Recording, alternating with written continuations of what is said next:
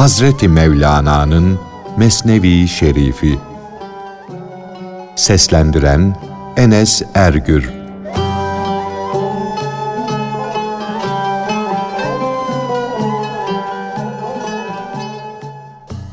Hayvani ruhla cüz'i akıl, vehim ve hayal ayrana benzer. Baki olan ruh ise bu ayranda gizli olan yağ.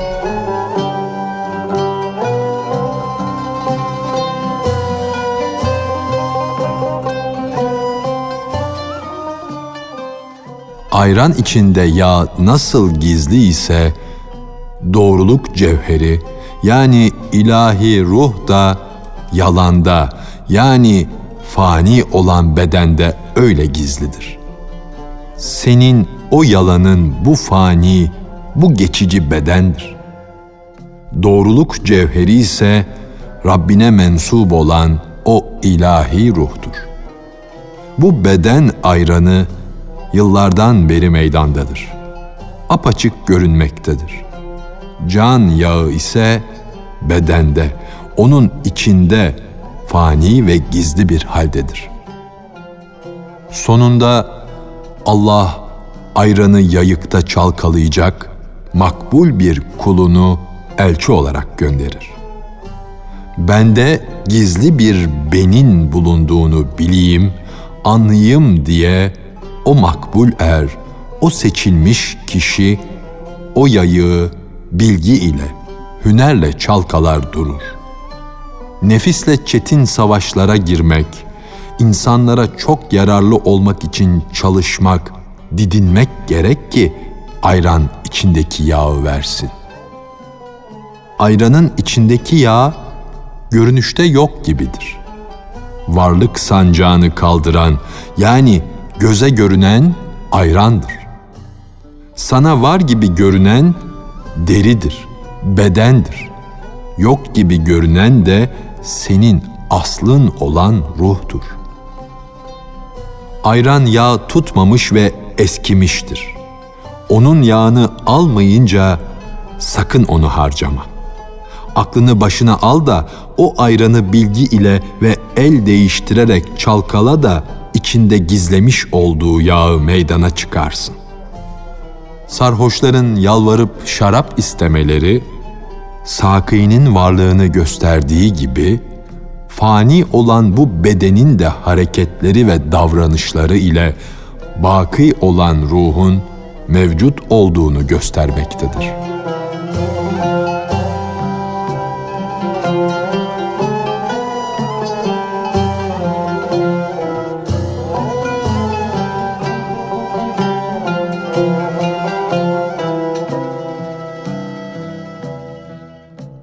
bayrağın dalgalanması gözümüzle görmediğimiz gizli bir rüzgarın varlığından haber vermektedir.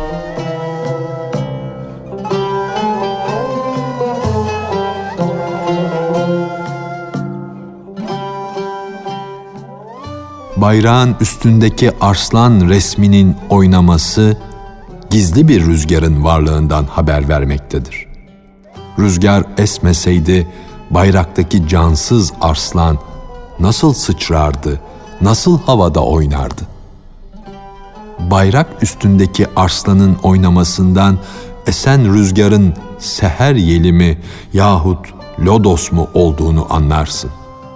Bu inanış o gizli rüzgarı anlatır.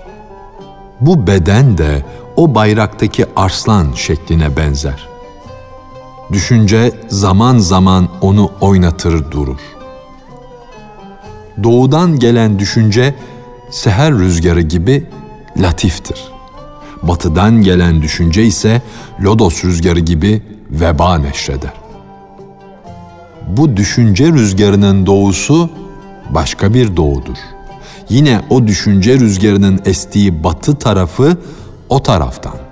Yani nefis ve şeytan yönündendir.'' ay cansızdır. Onun doğusu da cansızdır. Halbuki gönlün doğusu ise canlar canına candır. İçi aydınlatan güneşin doğusu yok mu? Gündüzün doğan şu bildiğimiz güneş, iç aleminin güneşinin ancak kabuğudur. Çünkü gölge varlık olan şu beden, ruh ışığından mahrum kalınca ona artık ne gündüz görünür ne de gece. Fakat beden olmaz da ruh olursa, gece gündüz olmasa da iş yine düzeninde gider. Nitekim göz uyurken ay güneş olmadığı halde rüyada ayı da görür, güneşi de. Onun gibi ruh da ay ve güneşin nuruna muhtaç olmaksızın başka aylar ve güneşler müşahede eder. Bizim uykumuz da ölümün kardeşi. Bu sebeple sen bu kardeşi gör, bu kardeşten öbür kardeşi anla. Ey taklitçi! Sana birisi rüya ölümün feridir dese de, gerçeğe ulaşmadıkça, tam inanç elde etmedikçe bu sözü duyma, işitme. Ruhun uykuda öyle şeyler görür ki onları uyanıkken 20 yılda göremezsin. Gördüğün o rüyanın yorumlanması için ömürler boyunca aklı fikri yerinde büyüklerin yanına koşarsın. Bu rüyanın tabiri, yorumu nedir söyle dersin. Böyle bir sırra fer demek köpekliktir. Bu söylediğiniz rüya halkın gördüğü rüyadır. Hak erlerinin rüyası ise hakkın kulunu sevdiğinin ve yakınlığının ta kendisidir. Fil olmalıdır ki gece uyuyunca rüyasında Hindistan'ı görebilsin. Eşek rüyasında Hindistan'ı göremez. Çünkü orası onun vatanı değildir ve oradan ayrılıp gurbete düşmemiştir. Ruh, fil gibi çok büyük bir varlık olmalı ki rüyasında ateş gibi koşsun, Hindistan'a kadar gitmeyi yani ruhlar alemine geri dönmeyi başarsın. Fil uyanıkken Hindistan'ı ister. Gece uykuya dalınca bu istek, bu zikir rüyasında şekle bürünür. Allah'ı zikrediniz. Emrine uymak her külhan beyinin işi değildir. Geriye dön. Buyruğunu dinlemek de her kalleşin ayağının harcı değildir. Ama sen yine de ümitsizliğe düşme. Rüyasında Hindistan'ı gören fil gibi olmaya bak. Fil değilsen bile fil olmaya çalış. Cenabı Hakk'a candan, gönülden yönelen kişilere gökyüzü kimyagerleri olan velilerden her an gelen feyizleri gör.'' onlardan gelen mübarek kurtuluş seslerini duy. Onlar sonsuz gökyüzü boşluğunda şekiller düzerler. Benim için de senin için de hayırlı işler görürler. Yenleri, yakaları misk kokan erleri görmüyorsan, ey yarasa gözlü kişi, bari uğradığın manevi zararı, ziyanı gör her an senin anlayışına bir şey dokunur, bir zarar gelir. Dikkat et de kör civan toprağından yeni bir ot bitir. Ethem oğlu İbrahim de rüyada örtüsüz, perdesiz olarak gönül Hindistan'ını gördü de kendisini dünyaya bağlayan servet, saltanat zincirlerini kırıp sarayını terk ederek görünmez oldu o uykudan sıçramış kalkmış, cezbeye kapılmış, deli divane olmuştu. İşte bu hal hakikat Hindistan'ını görüşünün belirtisiydi. Bu hale gelen kişi tedbirlerin, kararların başına toz toprak saçar. Zincirlerin halkalarını kırar geçer.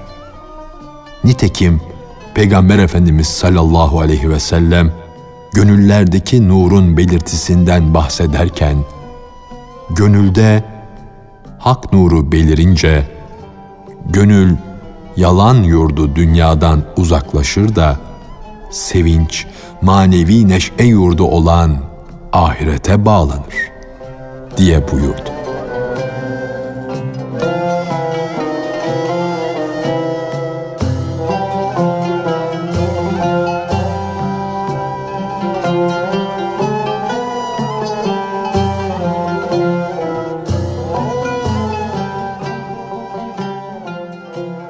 Bir şehzade ile Kabilli büyücük kadının hikayesi.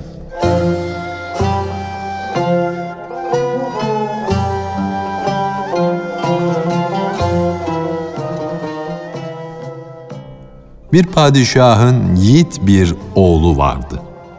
O delikanlı hem iyi silah kullanmasını biliyor hem de iyi huyluydu. Onun dış yüzü de iç yüzü de hünerlerle süslenmişti. Padişah rüyasında oğlunun ansızın öldüğünü görür. Alemin temizliği, duruluğu gözlerine bulanık görünmeye başladı. İçine düşen evlat sevgisi ateşi onu yaktı, yandırdı. Ateşin kızgınlığından gözyaşları bile kurudu. Padişah dertle, gamla o kadar doldu ki ah etmeye bile gücü kalmadı. O kadar üzgündü, kalbi o kadar acılarla dolmuştu ki ölümü diler oldu. Bedeni işten güçten kaldı. Çalışamaz hale geldi. Fakat daha yaşayacak zamanı olduğu için uykudan uyandı. Allah acıyanların en acıyanı olduğu için çok acı duyan kullarının yardımına yetişir. Padişah uyanıp da aklı başına gelince öyle sevindi ki ömründe hiç böyle sevinç hissetmemişti. Kederden ölecek hale gelen, ölümü isteyen padişah bu defa da sevinçten ölecekti. Canla bedeni, ölümle hayat arasında birbirine zıt hallerde sanki zincirlere vuruldu, bağlandı. Ömür mumu gam nefesiyle de söner, sevinç nefesiyle de. İşte sana şaşılacak bir hal. Çok güldüğümüz zaman da gözümüzden yaşlar dökülür, ağlarız. İşte insan bu iki ölüm arasında diridir. Bu iki ölüm arasında yaşamaktadır. İki ölüm arasında boyundurağa vurulmuş yaşayışı çok gülünç bir şeydir. Rüya gören, önce çok üzülen, uyanınca da çok sevilen padişah kendi kendine dedi ki, Allah'ın takdiri ile gelen bu sevince, rüyada oğlumu ölmüş görme gammı sebep olmuştur. Ne şaşılacak şey. Bir şeyin bir yüzü ölüm, öbür yüzü ise hayat ve rızk. Bir şey bir hale göre ölüm, aynı şey diğer bir yönü ile hayatın gıdası ve devasıdır. Bedenin sevinci çeşitli gıdalarla beslenmesi, gelişmesi, dünyaya bağlanan kişi için kemaldir, olgunluktur. Ahireti düşünen kişiye ise noksanlıktır, yok olup gitmektir.'' Rüyada oğlunun öldüğünü gören padişah düşünceye daldı da bu gam geldi geçti. Ama ruhum bu çeşit şeylerden mahzun oldu. Kötü zanla düştü dedi. Böylece kader ayağıma bir diken batırırsa gül solup gidince o dikenin verdiği acının gülden bir hatıra olması gerek. Gördüğü ölüm rüyası üzerine padişah soyu sopu devam etsin diye oğlunu evlendirmek istedi. Eğer bir doğan yani oğlum ahirete giderse onun yavrusu yani torunum babasından sonra bir doğan olur diye düşündü. Bu doğan kuşu buradan çekilip gider, sureti görünmez olursa onun manasının gerçek varlığının yavrusunda kalmasını istedi. Onun içindir ki uyanık olan o büyük mana padişahı Mustafa sallallahu aleyhi ve sellem çocuk babasının sırrıdır diye buyurmuştur. Bu mana dolayısıyladır ki halk çocuklarına kendi sıfatlarını öğretirler. Onların bedenleri toprağa girip gözden kaybolunca bu sıfatlarla bu manaların dünyada kalmasını dilerler. Allah istidadı olan her çocuğun olgunlaşması için akıl almaz hikmetine bağlı olarak çocuklarının iyi yetiştirilmesi gayesiyle babalara ciddi bir hırs ve arzu vermiştir.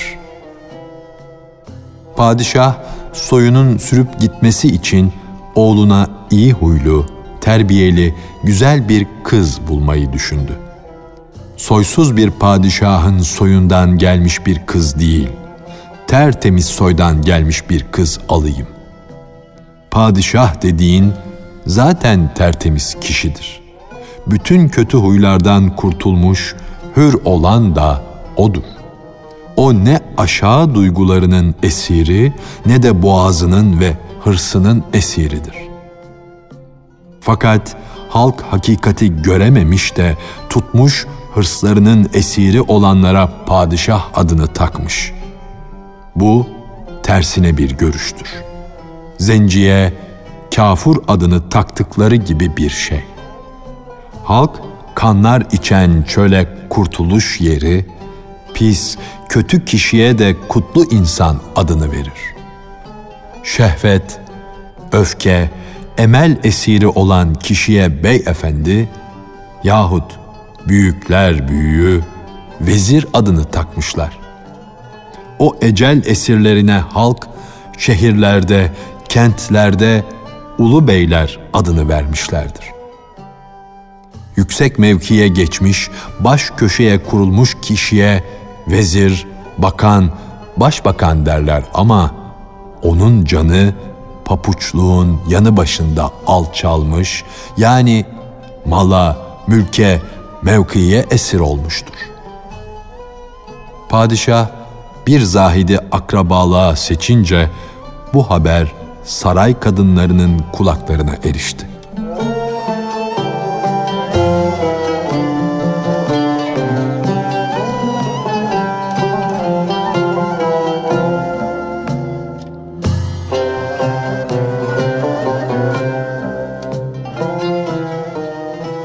Hazreti Mevlana'nın Mesnevi Şerifi.